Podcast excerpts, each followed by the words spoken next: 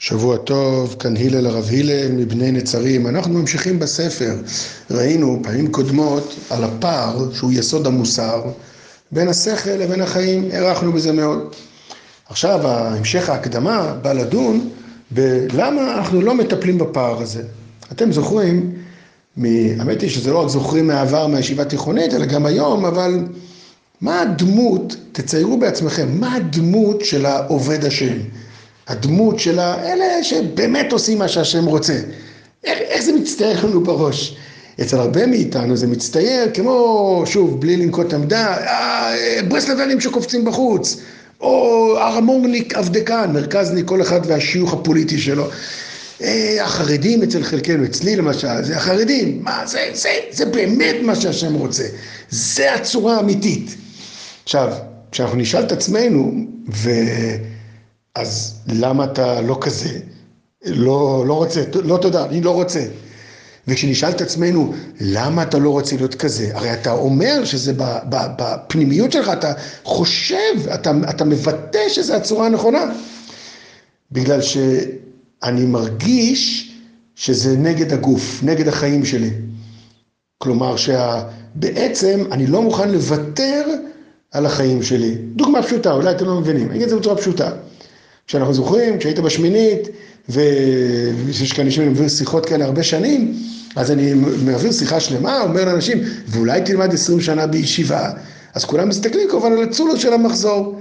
אומרים, כן, זה חשוב שהוא יעשה את זה, ולמה אתה לא עושה את זה? אז התשובה, אם, אם מחלצים את התשובה מעומק השכל שלנו, או הלב שלנו, אנחנו אומרים, אני רוצה עוד לחיות, אני לא רוצה להיות כזה. אז אה, לצערנו גם היום אומרים את זה, למה אתה לא מתחתן כבר בן 18 לחופה, בן 20, בן 22, למה אתה לא מתחתן?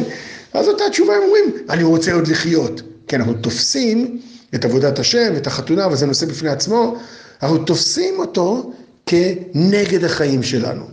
הרב, זה לא כך? טוב, זאת סוגיה שלמה.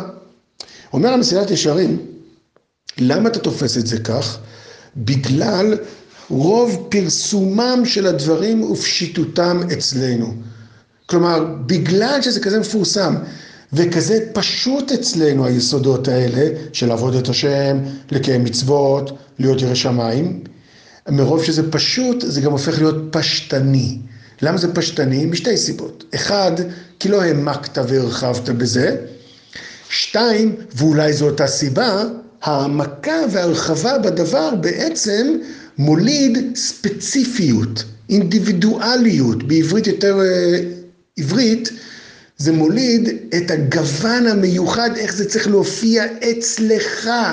וממילא, כדי להבין איך זה מופיע אצלך, אתה צריך יותר להבין מה בדיוק השם רצה ממך בציווי הזה. הקדוש ברוך הוא ציווה, צריך ללמוד תורה, תורה היא מרכז העולם, זה הכי חשוב. זה כולם יודעים את זה, נכון? זה פשוט ומפורסם. אבל מה זה אומר? מה, מה זה אומר?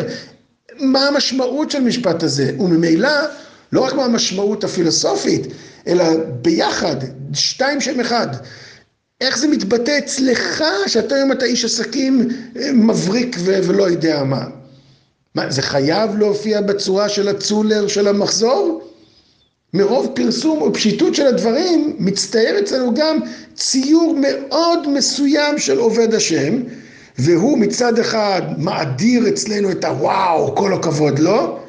אבל מצד שני זה מרחיק אותנו מהיישום ומלקרב את זה אצלנו, ואז נוצר אצלנו איזו כפילות, שניות בנשמה, ב, לא בנשמה, סליחה, בגוף, במחשבה, באישיות שלנו. לפעמים רואים את זה, אני לא חס ושלום אומר לא לעשות כך, אבל את הילד שולחים לתלמוד תורה הכי רציני, שהוא לפחות יצא ירא שמיים, והאבא מסתובב כמו אחרון ה... לא יודע מה, בגלל שהוא לא יכול להכיל את הכפילות הזאת. אומר המסילת ישרים, בגלל רוב פרסומם ופשיטותם, שלא רואים צורך להוציא בעיונם זמן רב, גם עיון של לימוד אמונה, לפי הרמה שלך במקום שאתה נמצא עכשיו, וגם בעיון איך ליישם את זה אצלך בחיים שלך כפי שהם עכשיו. ולכן ממשיך המסיעת שרים ואומר, שתראה מישהו שהוא באמת מתחסד, כלומר עובד השם, אז אתה, אתה אוטומטית בנפש שלך אומר, טוב, הוא גס שכל, הוא לא, טוב, הוא אין גם ככה, הוא לא יכול להיות באקדמיה, אז, אז הוא קופץ ברחובות ורוקד, אז הוא יושב בישיבה, כי זה, זה סתירה פנימית שלא יישבת בתוכך. ועוד נמשיך בעזרת השם פעמים הבאות.